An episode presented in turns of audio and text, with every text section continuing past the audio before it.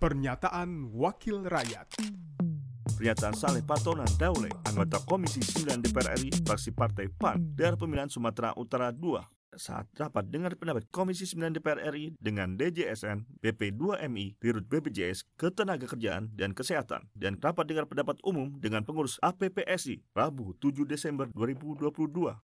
Jadi saya menggelitik juga itu pernyataannya atau pertanyaannya Pak Charles.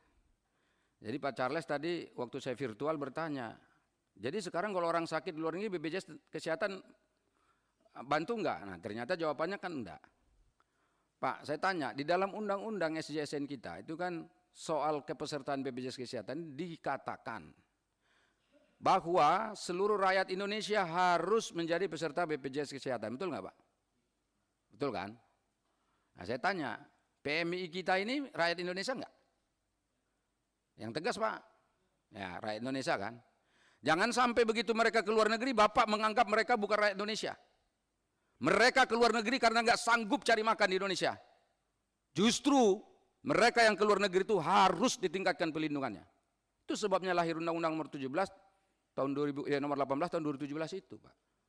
Nah kan pertanyaan saya, mengapa kalau mereka berangkat ke luar negeri malah justru tidak dilindungi?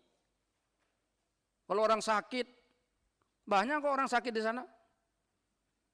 Masalahnya begini Pak Guru, di sana itu ada juga itu tenaga kerja kita sakit. Kalau memang pemberi kerjanya itu bertanggung jawab, agennya bertanggung jawab, maka bisa jadi mereka akan di, diurus dengan. Tapi banyak kasus kita tahu, mereka pulang ke Indonesia tinggal nyawa saja.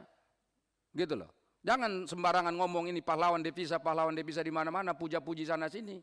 Sementara perlindungan kepada mereka itu minimal. Gak ada itu yang begitu. Nah karena itu Pak Gubernur ini kan nyata bahwa ini rakyat Indonesia yang harus dilindungi. Pernyataan Saleh Patonan Daule, anggota Komisi 9 DPR RI, fraksi Partai PAN, daerah pemilihan Sumatera Utara 2, produksi TV dan radio Parlemen Hidup Pemerintahan Parlemen Sekjen DPR RI. Pernyataan Wakil Rakyat